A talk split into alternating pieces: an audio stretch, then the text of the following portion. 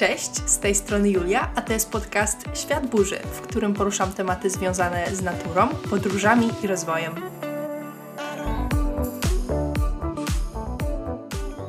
W dzisiejszym podcaście rozmawiam z gościem prosto ze Szwecji, z Alicją Siarkiewicz, którą możecie kojarzyć z podcastu Łosiologia.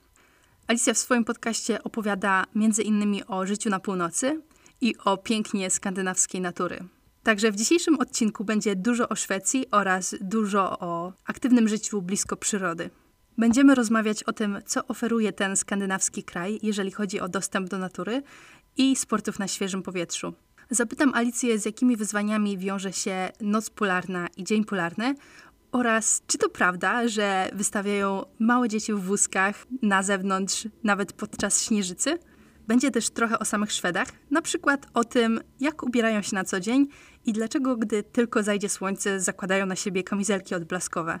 Będziemy zastanawiać się także nad różnicami między Polską a Szwecją, między Polakami a Szwedami. Rozmowa z Alicją wyszła dosyć długa, dlatego że rozmawiało nam się tak dobrze i z tego powodu też podzieliłam ją na dwie części, także dzisiaj będzie pierwsza część, a kolejna pojawi się za tydzień. Zanim zaczniemy, jeszcze dodam, że w opisie znajdziecie spis treści oraz linki do różnych rzeczy, o których będziemy mówić w tej rozmowie. Cześć Alicja, jest bardzo miło mi powitać Cię w podcaście Świat Burzy. Bardzo się cieszę, że zgodziłaś się zostać gościem i opowiedzieć dzisiaj trochę o aktywnym spędzaniu czasu w Szwecji i o pięknej naturze, którą tam macie. I powiedz może parę słów o sobie na początek. Czym się zajmujesz w internecie i na co dzień? Cześć Julia, przede wszystkim to dziękuję za zaproszenie. Bardzo fajnie jest wystąpić w takim, być gościem w takim podcaście bardzo zbliżonym tematycznie do tego, czym sama się zajmuję, czym sama się interesuje. Krótko o mnie, to mam na imię Alicja, mieszkam w Szwecji, dokładnie na Wysokim Wybrzeżu. Lubię chodzić na spacery, bardzo lubię przyrodę, podobnie jak ty. Zupełnie mniej podróżuję ostatnimi laty, czuję, że po prostu tych podróży to u mnie jest zero. A na co dzień w internecie, mm, tak, tworzę swój podcast Łosiologia od prawie już półtorej roku. Pracuję, żyję, chodzę na spacery, Cieszę się tym, co jest. Cieszę się każdym dniem, kiedy jest słońce, a dzisiaj jest słońce od samego rana. I powiem Ci szczerze, że właśnie jestem taką osobą, że no wiadomo, różnie może być z tą energią, ale wczoraj było pochmurnie i tak trochę zimno, jakieś tam, wiesz, 5 stopni. I ja miałam tyle rzeczy zrobić i byłam taka...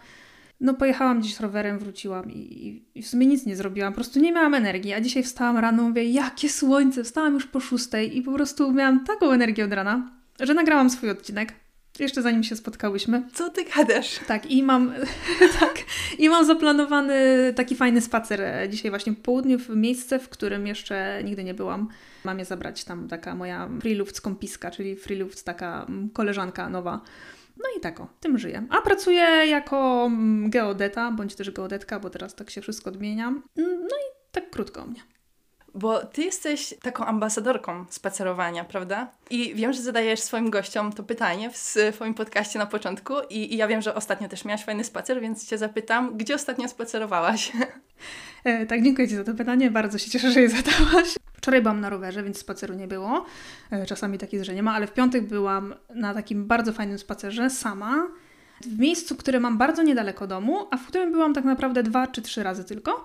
Mamy tutaj niedaleko taką wieżę, taki maszt. Wiesz, taki maszt telekomunikacyjny. No i ja tak zawsze myślę, aha, jest jakiś maszt, to znaczy, że musi być droga dojazdowa do niego, bo pierwsze trzeba go zbudować, a po drugie, no, ludzie muszą serwisować i tak dalej, pracować tam czasami. Więc musi być droga, więc na pewno jest fajny dojazd albo fajne dojście. No i pomyślałam sobie, no to pójdę na górkę i te maszty też są na górce, więc jest fajny widok.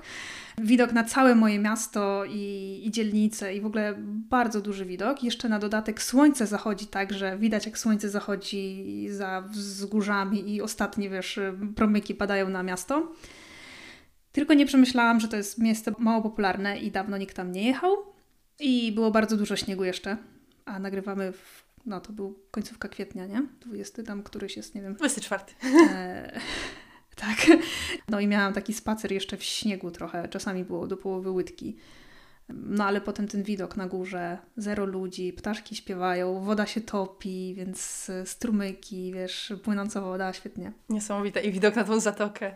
I widok na zatokę, tak naprawdę na zatokę z jednej strony, a z drugiej strony na drugą zatokę, bo tu jest bardzo dużo wody, która wpływa i wysp, i, i takich cypelków różnych, więc y, no, bardzo szeroki widok. Y, bardzo fajny. Mhm.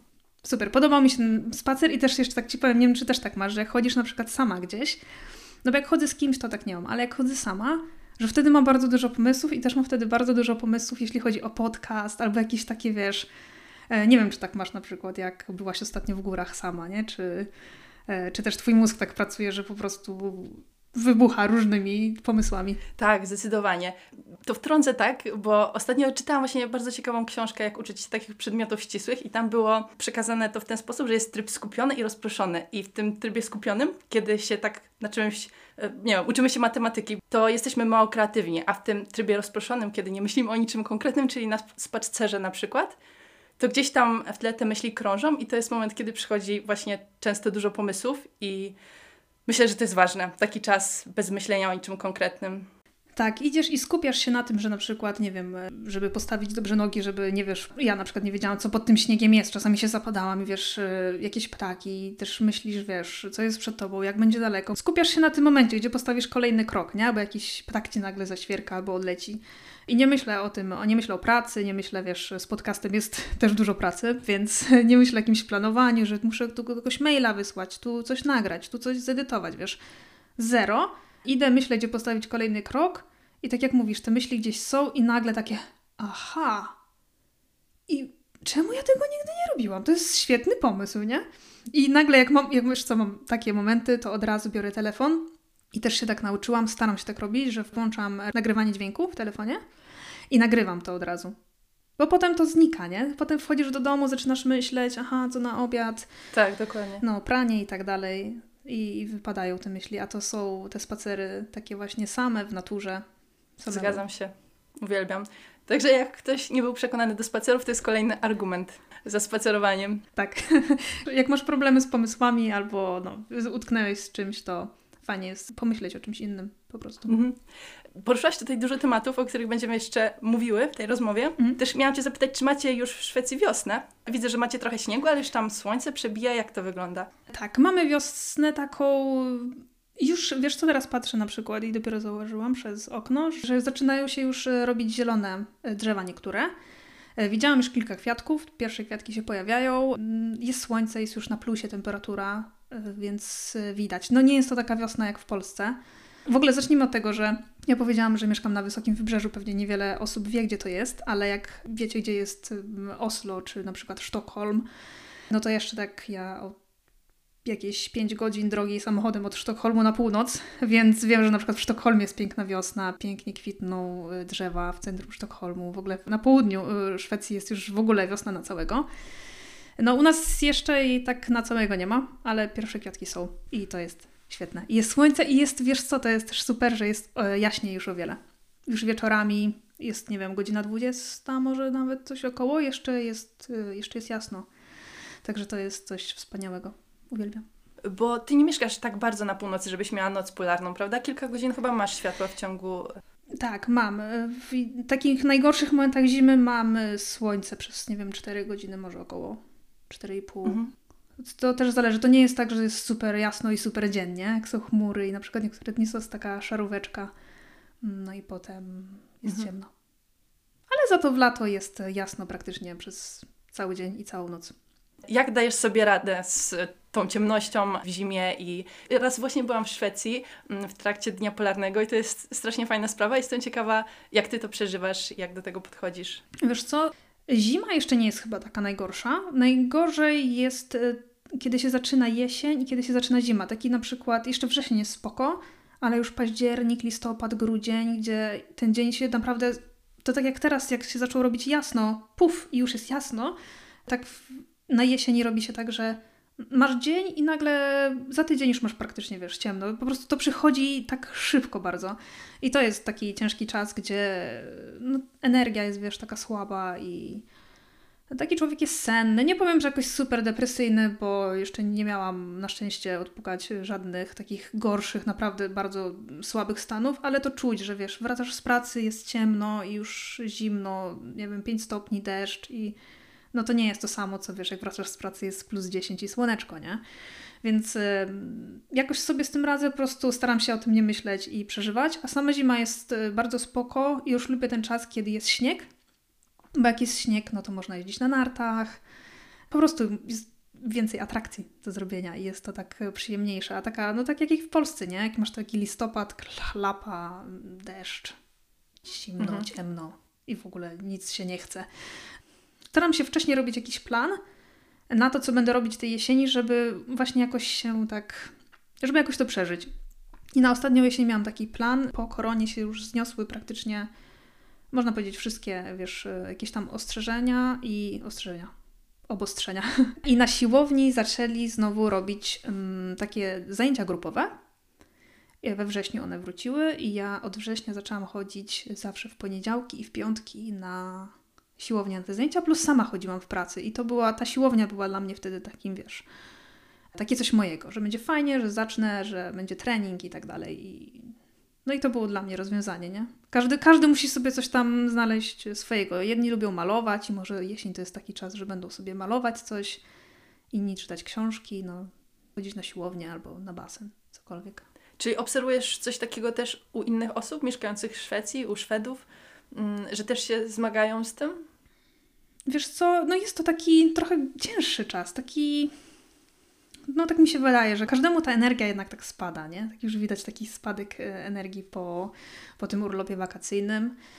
No ale jakoś da radę z tym żyć, nie? No tak jak mówisz, jeszcze na samej północy nie mieszkam, jeszcze nie mam nocy polarnej ludzie jakoś e, to przeżywają.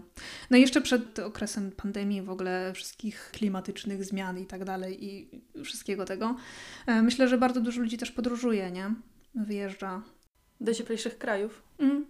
No, bardzo jest popularna Hiszpania wśród Szwedów i Norwegów. Bardzo dużo ludzi ma nawet swoje, wiesz, domki, mieszkania. Albo wyjeżdżają na jakieś wycieczki, wiesz. I to jest jedna wycieczka na przykład na jesieni właśnie, a potem jakaś wycieczka w zimę. Nie można tak generalizować, ale myślę, że bardzo dużo osób wyjeżdża. No ja sama mam zawsze też tak, kurczę, na listopad byśmy gdzieś pojechali, chociaż na długi weekend, nie? E, no ale przez ostatnie dwa lata nigdzie nie byliśmy, więc to tak... Takie podładowanie baterii sama, wiesz, nawet wyjazd na kilka dni, na tydzień E, czy na jakiś dłuższy weekend, to zawsze taki, taki fajny przerwnik. Tak, zdecydowanie. Nie? tej szarości. Mi się czasami wydaje, że ja lubię taką gorszą pogodę, że lubię dźwięk deszczu na szybie, ale jak zaświeci słońce, to też nagle dostaję takiego kopa energii i sama nie wiem, dlaczego ja się tak cieszę i tak dalej, więc zupełnie rozumiem ten stan. A mm. powiedz mi, czy jakoś specjalnie wygląda to przeżywanie u Ciebie i u Szwedów tego dnia polarnego? Wiesz co, już teraz nawet w pracy o tym rozmawialiśmy, że jak już jest tak jaśniej, to człowiek, wiesz, ma, ma wiele więcej energii i nagle zamiast wieczorem, powiedzmy, kłaść się spać, to ty zaczynasz robić porządki w ogrodzie, zaczynasz iść na rower, coś tam, wiesz, wymyślasz rzeczy, które normalnie byś nie zrobiła, bo jest na przykład ciemno. I to jest taki już klasyk, już o tym zaczęliśmy mówić w pracy, że o wiele później się człowiek kładzie spać. E, bo nagle przychodzi godzina 11, na przykład 12. Teraz jeszcze jest ciemno, ale maj, czerwiec, w czerwcu do, nie wiem, do drugiej będzie tak jasno, nie? Wow. No, gdzieś może się ciemno robi pomiędzy drugą a czwartą, no i o piątej już masz znowu jasno, więc tej energii jest więcej, więc to jest takie, że po prostu robi się o wiele więcej, no i potem człowiek jednak musi spać, więc to zmęczenie gdzieś tam gdzieś tam wychodzi, ale myślę, że i tak jest o wiele więcej takiej energii życiowej, chęci, ja właśnie e, byłam w Szwecji w tamtym roku podczas Dnia Polarnego. Byłam z moją ciocią. I na początku to był taki szok, że my właśnie coś tam robiłyśmy, byłyśmy właśnie na jakiejś tam wędrówce. Nagle patrzymy chwilę, ale jest 23, w sumie wypadałoby się położyć. I na początku to było bardzo trudne, żeby się kłaść o tej 23, żeby później jakoś w miarę normalnie wstać. I no bardzo, bardzo ciekawe, bardzo się ekscytowałam tym, że cały czas jest jasno. To było coś dla mnie takiego zupełnie nowego, dziwnego. To jest też bardzo fajne, jeśli mówisz o tych wycieczkach, że na przykład w zimę czy na jesieni, no to trzeba planować, że jeśli pójdę na taką i taką górkę, to mam tam na przykład dwie godziny drogi, no to może łącznie zejdzie mi 4 albo 5 godzin, żeby wrócić, mm -hmm. nie? Mhm. A idziesz w lato, zupełnie się tym nie przejmujesz, bo masz jasno To jest, to jest cudowne, bo możesz wyjść na wycieczkę, powiedzmy, pójść do pracy, zjeść obiad, nagrać podcast i na przykład o godzinie 19 możesz wyjść gdzieś, nie? Bo, bo masz siłę, masz energię, chcesz, masz czas, czujesz, że wiesz, jutro nie masz nic ważnego, chcesz gdzieś pójść, potrzebujesz, no i idziesz, nie? Potem jak będziesz wracać, no nie będzie to tak jak o godzinie 12 w dzień, że będzie super jasno, ale to nie będą żadne ciemności. To jest jedna z tych bardzo fajnych rzeczy, którą ja lubię osobiście, bo możesz sobie tak spontanicznie coś zrobić i albo wziąć rower, pojechać na plażę, nie? O godzinie 22. Mm, to jest coś wspaniałego, genialne.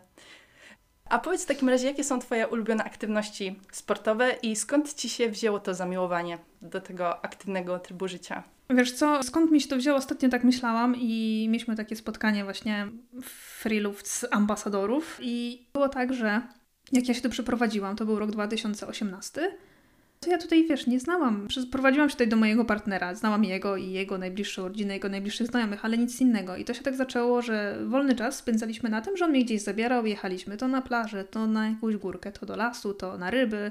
Po prostu wymyślaliśmy sobie zajęcia, on mi pokazywał różne miejsca, no i potem z czasem tak się przerodziło, że aha, a gdzie pojedziemy, wiesz, gdzie teraz, nie? Tam byliśmy, tam byliśmy. Ja pamiętam, że ja w ogóle nie mogłam zapamiętać nazw tych miejsc. Ja się go zawsze pytałam. Też bym nie mogła. Ale tak dziwnie, jeszcze te dziwne litery. Tak. Ja pamiętam, jak jego siostra się pytała, a byliście tam? Musiałam się zawsze na niego spojrzeć, a byłam tam? Skąd ja mogę wiedzieć, jak to się nazywało?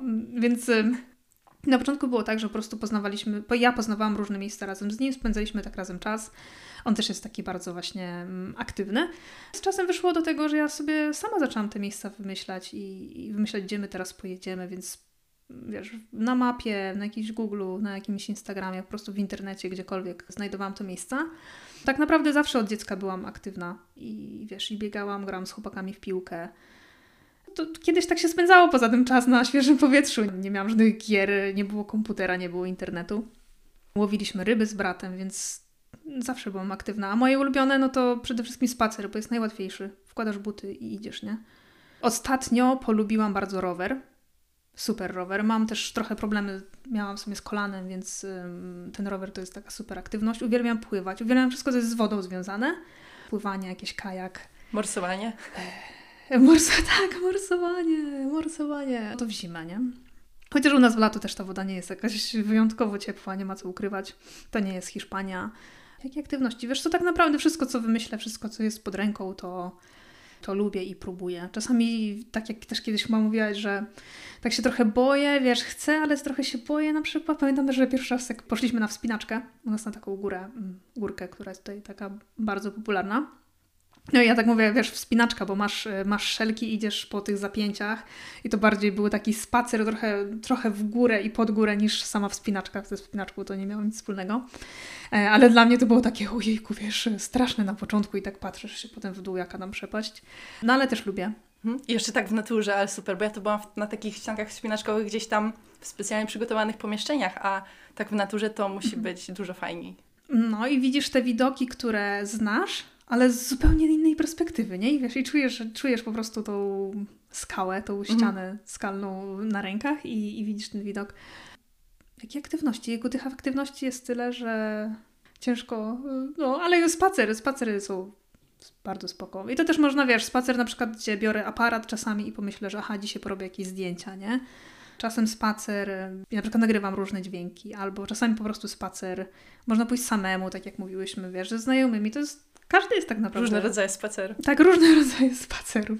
Spacer jesienią jest inny i latem jest inny. E, I też pokochałam, co ja przecież zapomniałam prawie, już ta zima odchodzi, więc zapominam. Nauczyłam się tutaj jeździć na nartach, na biegówkach. Mhm. Nigdy w Polsce nie jeździłam na biegówkach, nigdy w Norwegii nie jeździłam na biegówkach, wiesz? Mieszkałam 4 lata i nigdy. Wiem, że bardzo chciałam, ale nigdy nie miałam nart, nigdy nie miałam znajomych, wszyscy tylko praca, praca. To też mi się strasznie drogie na początku wydawało, wiesz, no nie miałam z kim, a tu postanowiłam, że nie, no to jest mój kolejny kraj nordycki, jeszcze bardziej na północ i jak ja się nie nauczę jeździć na nartach, to będzie klapa straszna, nie? Co ja będę robić w zimę? No i na początku było kiepsko bardzo, bo się sama uczyłam i w ogóle no, było słabo, ale teraz już się nie boję, już się, wiesz, jestem stabilna, zjeżdżam z górek i pod górki i to jest ekstra aktywność. Angażuje całe ciało. Możesz bardziej tak rekreacyjnie, że wiesz, powolutku, jak masz na przykład taki dzień, że nie masz dużo sił, albo możesz y, zrobić sobie tego jakoś, wiesz, bardziej tak treningowo, że jednak tam troszeczkę starasz się szybciej na przykład. E, do tego widzisz piękne miejsca, jesteś w środku lasu, wiesz. Mhm. To też są takie spacery tylko na nartach w sumie. Tak, no spacer, bo to też jest taki ruch, że wiesz, idziesz, nie? Idziesz do przodu i ręce, nogi to jest no taki spacer właśnie, tylko że masz coś na nogach mhm. bardzo wąskiego. Jeszcze to może dodajmy tutaj, że napisałaś nawet e-booka o tych wszystkich aktywnościach i o pomysłach, jak spędzać czas mm. aktywnie w naturze. Gdzie go można znaleźć? Można go znaleźć na łosiologia.pl Oczywiście bez polskich znaków, czyli będzie losiologia.pl. Tam na każdej stronie jest link do tego e-booka i tam też jest 35 aktywności. W ogóle ja tych aktywności to miałam więcej, tylko tak jakoś trzeba to było spisać też, e, spisać mądry sposób i rozdzielić. Takie proste aktywności, które można robić na co dzień bez żadnych, wiesz, bez żadnych wielkich sprzętów i wielkich wymogów i planowań i wyjazdów. Tak naprawdę myślę, że większość z nich można zrobić każdy wszędzie. Oczywiście nie tych zimowych, no bo do niektórych zimowych potrzeba jest po prostu dużo śniegu. To jest moim zdaniem świetne, że Szwecja też mam wrażenie, że oferuje takie idealne warunki do tego, żeby aktywnie spędzać ten czas. I tak jak na przykład mówisz o tym, że sobie tak eksplorujesz tą przestrzeń dookoła, tu jedziesz na wycieczkę, tam jedziesz, poznajesz różne miejsca, to mam wrażenie, że właśnie w Szwecji jest chyba więcej tej takiej natury, powiedzmy dzikiej natury niż w Polsce. Co o tym sądzisz? Tak, jest na pewno zdecydowanie więcej, jest więcej obszarów zielonych, jeśli chodzi o samą powierzchnię. Jest mniej większych miast, no i też jest mniej ludzi, więc no to idzie siłą rzeczy, że jest więcej tego zielonego i tej natury wokoło. Ja teraz nie pamiętam, ale czytałam taki, właśnie jak się przygotowywałam do tego e-booka, wiesz, taki był raport, że gdziekolwiek w Szwecji byś nie mieszkała, tak masz, nie wiem, no teraz, teraz wymyślam, ale to była bardzo mała odległość, powiedzmy 2 km, czy tam, nie wiem, 15 minut do jakiegoś obszaru zielonego albo do jakiegoś miejsca, jakiejś ścieżki spacerowej, do parku, do lasu, do wody, do czegokolwiek. Więc ten dostęp jest naprawdę na wyciągnięcie ręki, nawet jeśli mieszkasz w stolicy, w Sztokholmie, tej natury jest bardzo hmm. dużo. To nie jest trudne, nie? Ja też tak, tak jak mówisz, jeżdżę na wycieczki, poznaję miejsca, ale to nie jest tak, że ja jestem ciągle, wiesz, w trasie, w samochodzie. Ja przeważnie chodzę albo jeżdżę rowerem gdzieś wokół domu. To są najczęściej te same miejsca, te same miejsca na, na spacery. Weekendami staram się gdzieś, wiesz, gdzieś dalej na chociaż taką godzinkę, dwie wyjść. Nie zawsze się udaje, ale no dzisiaj na przykład się uda. No tego, tego mi trochę właśnie brakuje w Polsce, bo jednak jak byłam w tej Szwecji czy w Norwegii, to to jest tak, że właśnie tak jak powiedziałaś, 15 minut i już jesteś w naturze, już jesteś na szlaku. A powiedz, czy inni Szwedzi mm. też y, widzisz, że są, że jest taka tendencja do tego, że są bardziej aktywni? Myślę, że tak. Myślę, że Szwedzi ogólnie jako naród są tacy aktywni i tacy sportowi. I właśnie nie tylko jeśli chodzi o takie przebywanie w naturze, ale same sporty różne, przeróżne i to jest od dziecka są różne stowarzyszenia, dzieciaki już wiesz, tak naprawdę nie wiem jak jest w Polsce, ale mi się na początku takie straszne tutaj wydawało, że dziecko kończy wiesz 4 lata czy 5 i ono już chodzi na zajęcia na narty, na konia, na tańce, na cokolwiek. I, i to jest trochę tak, też mi się wydaje, że w Norwegii, że tak zawsze myślę, biedni ci rodzice, bo oni wożą co chwilę, nie? W pracy mam koleżankę, która ma dwójkę dzieci. Jedno ma 12, jedno 8 lat. No i córka ma dwie aktywności, i syn ma dwie aktywności i no tak w tygodniu musisz je ciągle wozić. Więc od małego się uczą, Dużo też jest w szkołach i przedszkolach takich rzeczy, no i to lubią. Oczywiście nie każdy, znam takie osoby, które zupełnie nie, nie, nie, aktywność fizyczna to ja dziękuję, ja wolę na sofie i wiesz, są takie osoby oczywiście, ale my się to też jest tak, że wiesz, przyciąga się osoby mniej więcej o podobnych zainteresowaniach i podobnych do siebie, więc ja widzę dużo takich osób, które jeżdżą na nartach, biegają, chodzą na siłownię, jeżdżą na koniu, wiesz, mają bardzo dużo, tutaj są konie popularne. Więc myślę, że ogólnie jako naród to tak, są, są aktywni, są no tacy dbający o siebie i też mi się wydaje, że mają dużą świadomość, wiesz co, swojego ciała. Taką świadomość ciała i aktywności, taką znajomość, wiesz? E, to mi się wydaje, że, że też sama się dużo nauczyłam tutaj. Mhm. Czy oprócz tego, że dzieciaki chodzą, są zapisywane na różne zajęcia, to czy na przykład uczy się w szkole o, o tym, jak ważny jest ruch. To znaczy, w Polsce też niby się uczy o tym, że ruch jest ważny i tak dalej. Z tym, że jeżeli chodzi o praktykę, to jest już gorzej. I na przykład gdzieś tam jakaś wycieczka, nawet jednodniowa, to jest wielkie halo, bo będziemy mieli zaległości i, i tak dalej. Tak, właśnie, zaległości. Teraz mi się przypomniało, wiesz co, jak chciałam najpierw powiedzieć, że ja pamiętam. To też jest tak, że ciężko jest generalizować, nie? Ciężko jest też mi na przykład mówić o Polsce, jak mi się tutaj Szwedzi pytają, albo jak na przykład sama coś mówię, nagrywam do swojego podcastu, albo do, z kimś rozmawiam, że ja wiem, jak było u mnie w szkole, jak było u mnie, jestem z małej wioski, z małej, wiesz, z małego, po prostu, no z takiej pipidówki, że tak brzydko powiem. Wiesz, wchodziłam do szkoły dawno temu, Jestem rocznik 9.1, jeśli komuś to coś powie. Więc u nas to było tak, no rzucali piłkę, masz graj, no i 99% to były, albo 90%, wiesz, kopanie w piłkę i kilka innych zajęć. No i nie pamiętam, żeby ktoś dorosły albo ktoś z rodziców przychodził do nas albo nam coś organizował, nie? Nie mam pojęcia. Ale tutaj tak, jest dużo takich zajęć, dużo zajęć, dużo jest w ogóle nauki na, na zewnątrz, na świeżym powietrzu. Mamy w rodzinie takiego nauczyciela, który jest w Polsce by się powiedziało nauczyciel wychowania fizycznego, a tu jest takim on, no takim właśnie powiedzmy kimś od aktywności. I wiem, że oni orga on organizuje dużo takich na przykład spacerów, czy dla dzieciaków biegów na orientację w lesie, że wiesz, chowa gdzieś tam różne rzeczy i daje im mapkę, robi i oni tam biegają. Bardzo dużo jest takich zajęć. Mhm. To no, jest super. Myślę, że to nie, nie, nie ma takiego ściśnienia jak w Polsce, że będziesz miał zaległości, to trzeba narobić materiał i w ogóle zrobić klasówkę. Mm, myślę, że jest mniej takiego mm, ciśnienia. Chociaż też się nie mogę jakoś super y, wypowiedzieć i w 100% nie wiem, bo nie mam dzieci w wieku szkolnym, więc no, to też mhm. jest tak różnie na pewno, nie? Wiesz co, jestem wychowawcą na takich obozach powiedzmy survivalowych lekko. Survivalowych to może duże słowo, ale generalnie idziemy do lasu, spędzamy czas w tym lesie, tam uczymy się jak robić ognisko, takie, takie podstawowe rzeczy. Mhm. I dzieci często przychodzą i one mówią, że nigdy nie były w lesie albo nie siedziały na trawie, nie? I to jest, na początku siadamy w ogóle na ziemi i to jest takie niesamowite, że, że można... Jiku, przecież zmarzną, przeziębią Oj, się, tak. ubrudzą ubrania, zniszczą buciki. No nie, jak możesz? No, no, więc... A po prostu idziemy na bagna, te dzieci są całe brudne, ale są takie szczęśliwe i... I to jest coś, że nie, nie mówię, że konkretnie chodzenie po bagnach, ale właśnie no, tego praktycznego spędzania mm. czasu w naturze, tak myślę. Dokładnie wiem, o czym mówisz. Pamiętam, że jak byłam pierwszy raz na, takim, na takiej mojej pierwszej wycieczce w Norwegii, byliśmy na, w Stavanger i byliśmy na Preikestolen. I to była moja taka pierwsza wycieczka, bo wiesz, znasz zdjęcia i naogląda się człowiek właśnie tych zdjęć wszędzie. Ja pamiętam, jak było tam dużo Norwegów i było sporo dzieci i takich dzieci, wiesz, w takich nosidełkach na plecach, nie? Nie wiem, jak to nazywa, takich plecakach dla dzieci, że masz tam dziecko sobie na plecach. I ja pamiętam, że moje pierwsze myśli to było takie biedne dziecko, wiesz, zmarznięte, o Jezu, jak on się przewróci, co się stanie, wiesz, takie jakieś... A teraz, jak ja teraz myślę o tym, jak ja kiedyś myślałam, mówię, Boże Święta Alicjan, to jest nic lepszego dla dziecka, jak być na świeżym powietrzu i jeśli ten rodzic zabiera tego malucha, no to też wierzę zawsze i mam nadzieję, że ten rodzic wie, co robi, tak? On już był na takiej wycieczce pewnie nieraz w swoim życiu i nieraz był gdziekolwiek.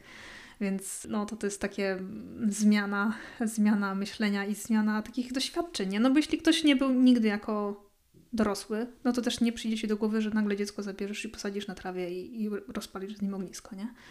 Jedynie z mojego doświadczenia, co wiem, tutaj w najbliższej rodzinie mamy Mamy dwójkę takich małych dzieci, 4, 5 lat, 6 i odkąd tu mieszkam, czyli już 4 lata, no to w sumie widziałam, jak te dzieci, wiesz, dorastały i, i chodziliśmy na te wycieczki zawsze razem, nie?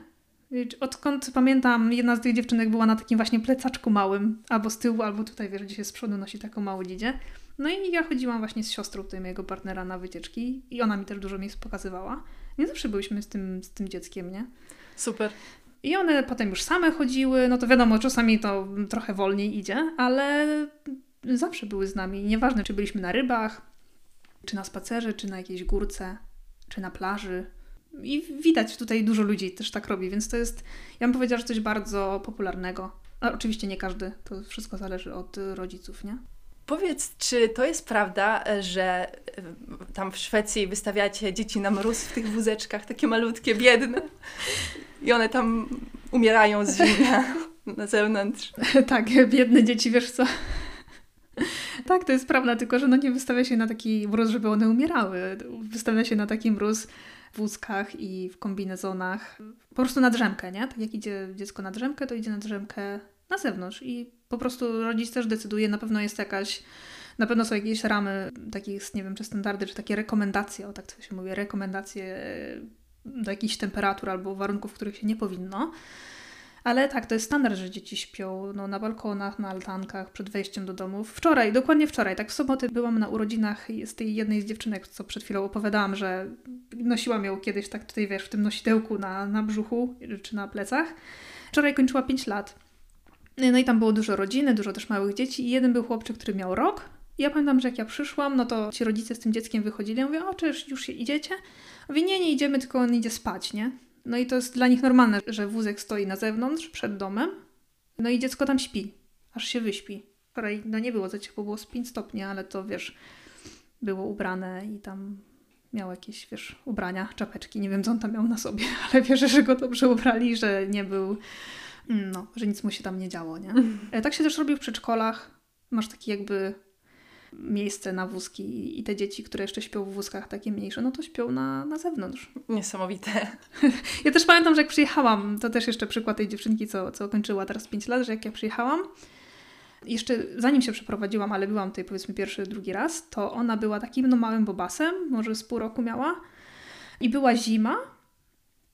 Tak, to nawet nie wiem, czy to nie było, wiesz co, Boże Narodzenie, coś w okolicach tego, czy po Bożym Narodzeniu jakoś. No i ona też ją właśnie na na dwór wystawiła do spania, na drzemkę.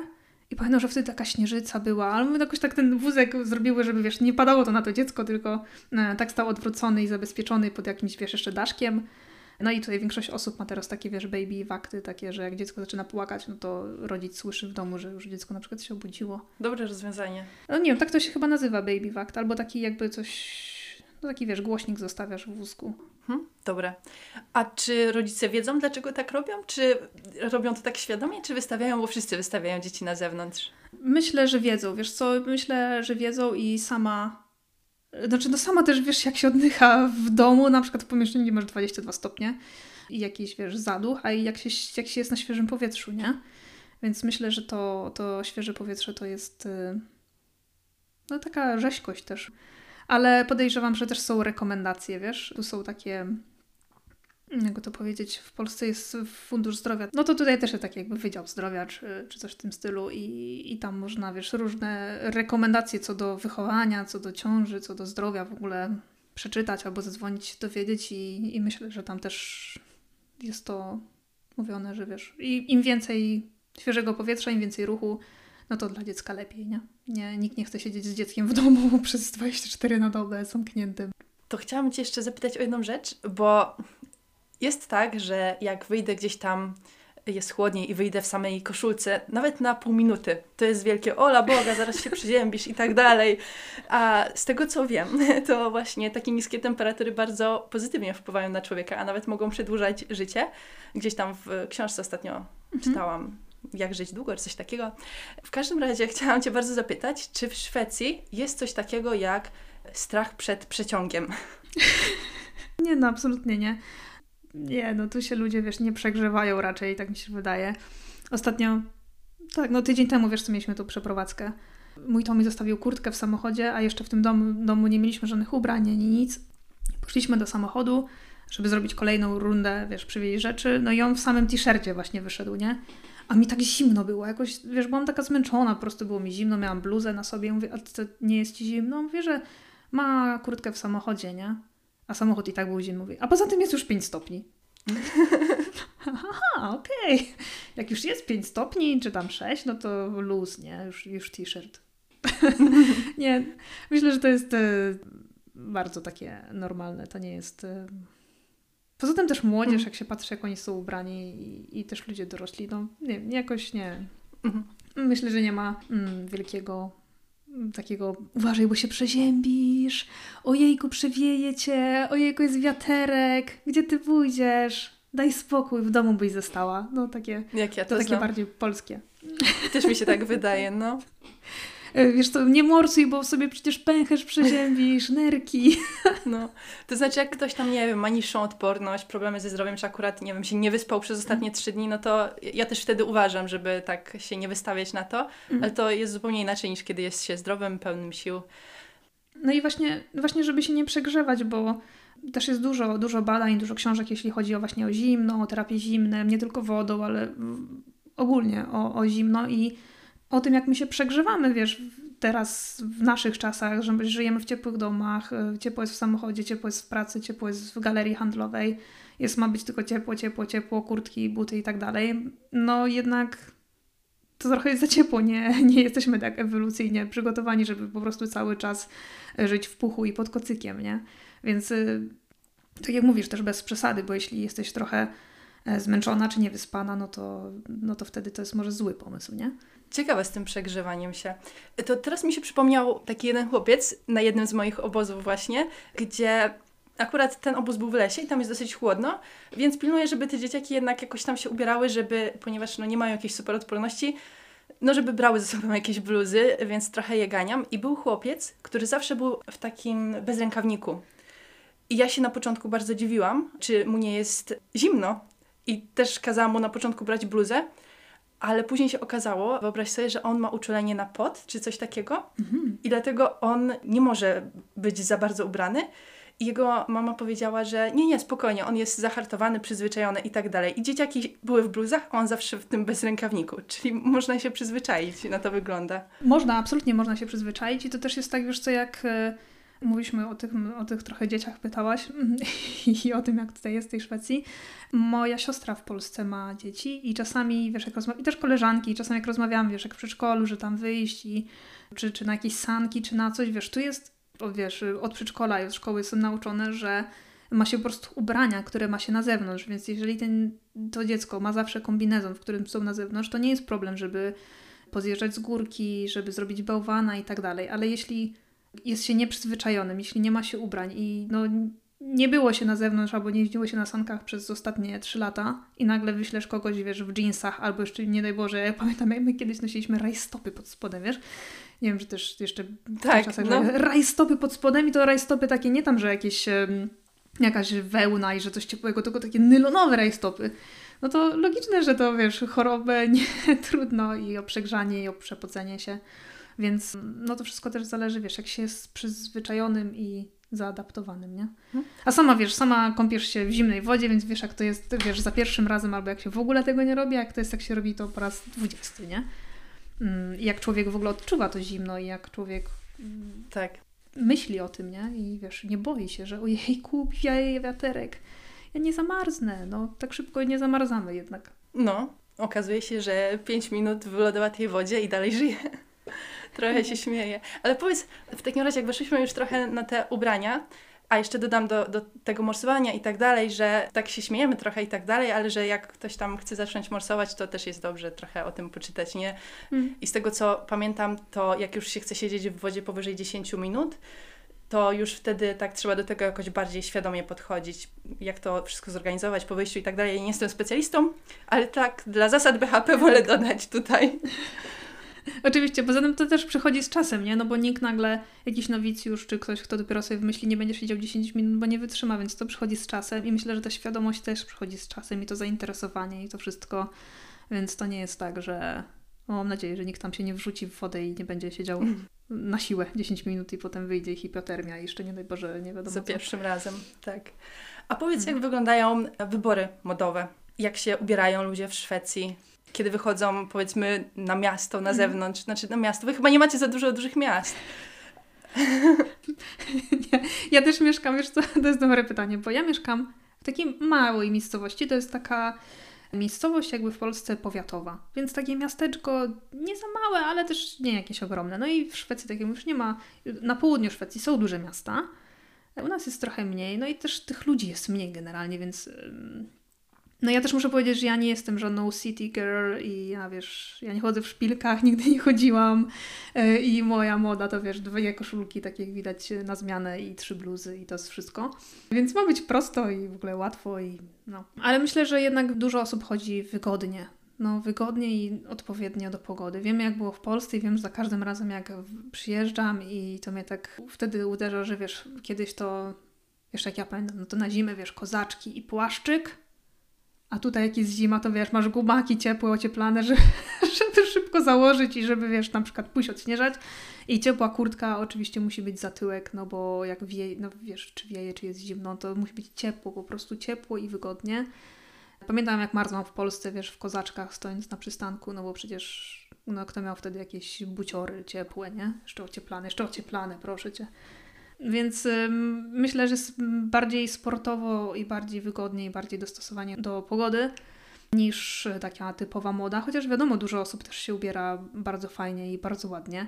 Ja zawsze podziwiam, bo mam jedną torebkę. Wiesz co, tak kupiłam kiedyś na, jeszcze w Norwegii jechałam na interview i kupiłam sobie torebkę taką, taką małą, że wiesz, tak się na ręku, tak na ramieniu tak nosi, taki, z takimi małymi uszami. Ja wiesz co, teraz mieliśmy przeprowadzkę, ja znowu torebkę znalazłam, mówię, kurczę, taka ładna była, wiesz, ja ją kupiłam, ona też nie była jakaś super tania.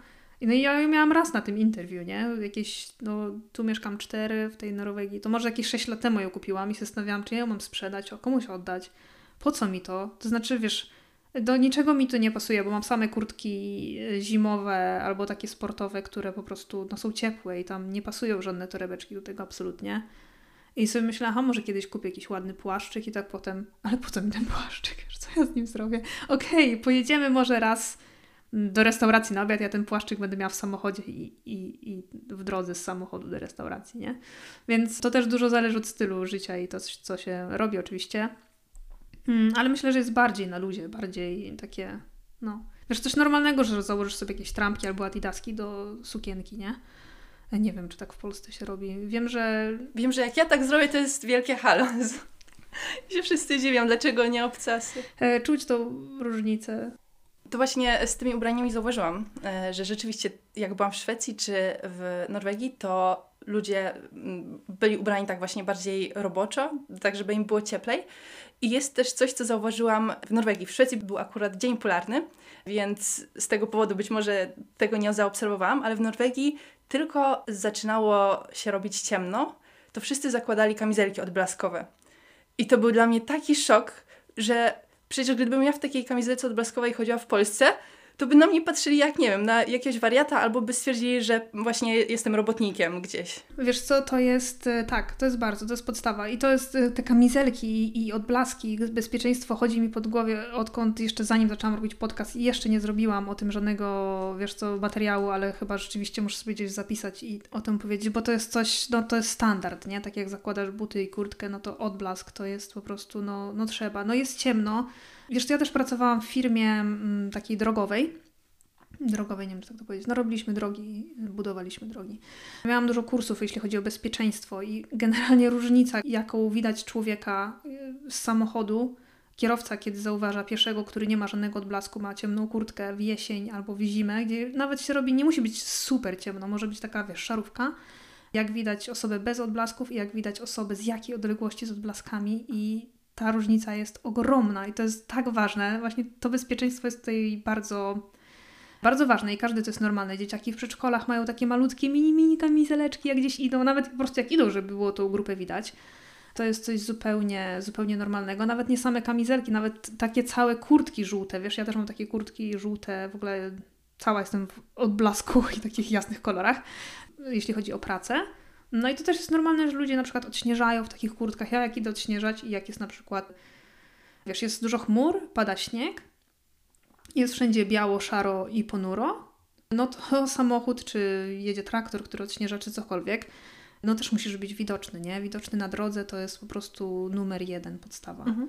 Tak samo rękawiczki są robione i czasami jak jest ciemno, jadę samochodem, na przykład rano do pracy jadę samochodem i widzę tylko, jak ktoś idzie, teraz pokazuję na YouTubie, to nie będzie widać, ale jak ktoś idzie i macha rękoma i ma na sobie rękawiczki odblaskowe, to widać z daleka, że już wiesz, już, już, już rozpoznajesz, co to jest, bo widzisz, że to będzie osoba, a musisz naprawdę przyjechać sporo metrów, żeby dopiero tą całą osobę zobaczyć, nie? Więc gdyby ona nie miała tych rękawiczek, to byś no, nie miała szansy.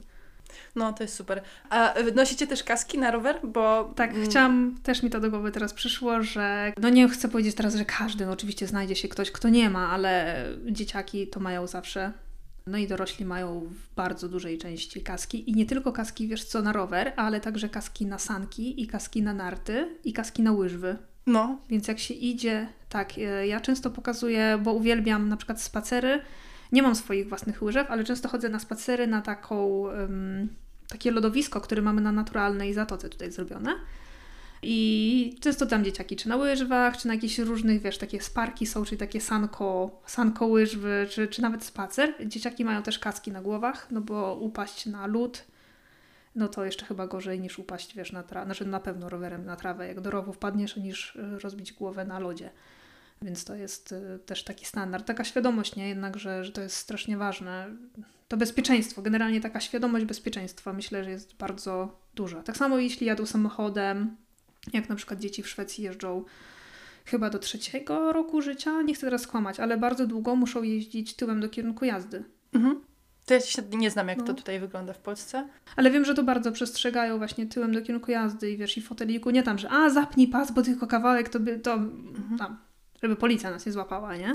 To nie jest takie myślenie, tylko takie, że wiesz, jednak to jest y, mega Fajna ważne. świadomość. Nie? Chodzi o, o, o życie i o zdrowie, więc kamizelki, kaski i takie różne.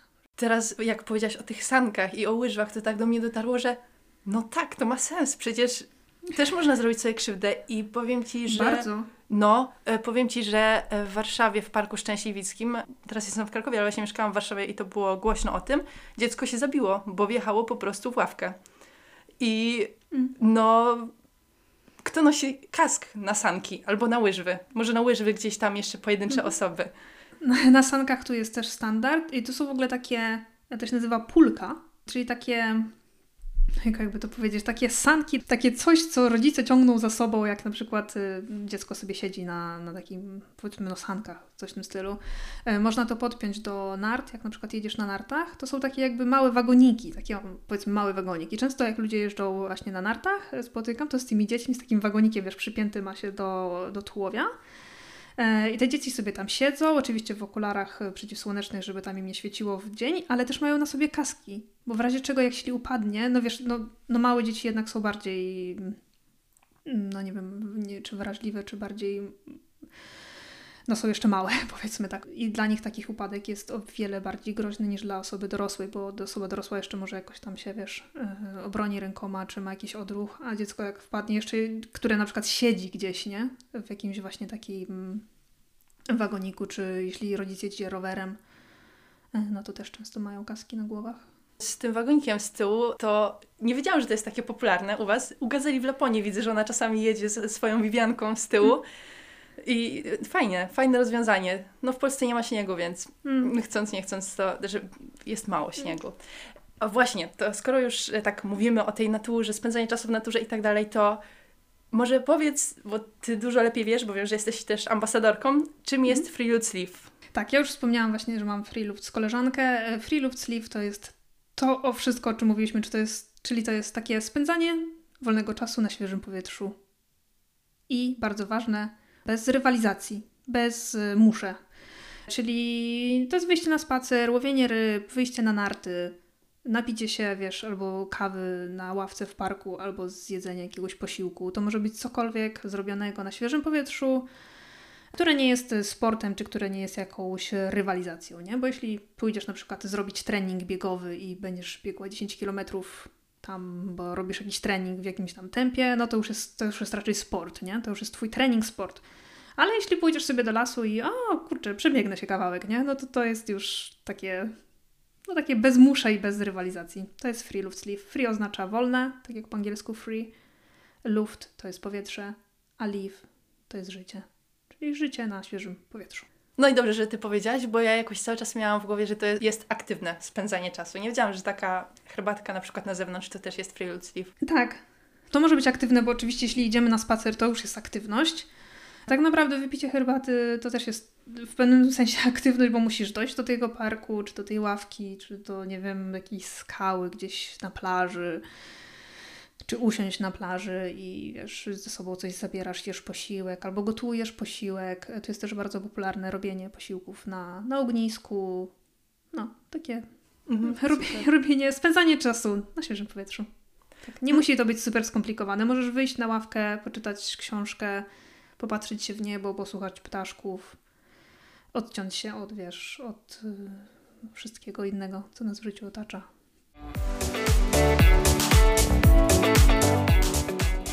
Tym miejscu zakończymy na dzisiaj. Free Luft Sleeve to jest taki przedsmak kolejnego odcinka, w którym będziemy rozmawiać jeszcze więcej o tym, w jaki sposób Szwecja zachęca do tego, żeby spędzać ten czas na świeżym powietrzu i w jaki sposób ona jest dostosowana właśnie do tego, żeby swobodnie korzystać z przyrody. Zastanowimy się również, czym Szwecja wyróżnia się na tle innych krajów. A jeżeli temat sportu jest Ci bliski, to myślę, że możecie zainteresować szwedzki klasyk, czyli zawody sportowe, które łączą ze sobą kilka dyscyplin i które trwają w Szwecji przez cały rok. I będzie też trochę o spotkaniach z łosiami. Także jeżeli ten odcinek Ci się podobał, to myślę, że kolejny również może Cię zainteresować. Ok, to w takim razie wszystko na dzisiaj. Dzięki wielkie za słuchanie i do usłyszenia za tydzień.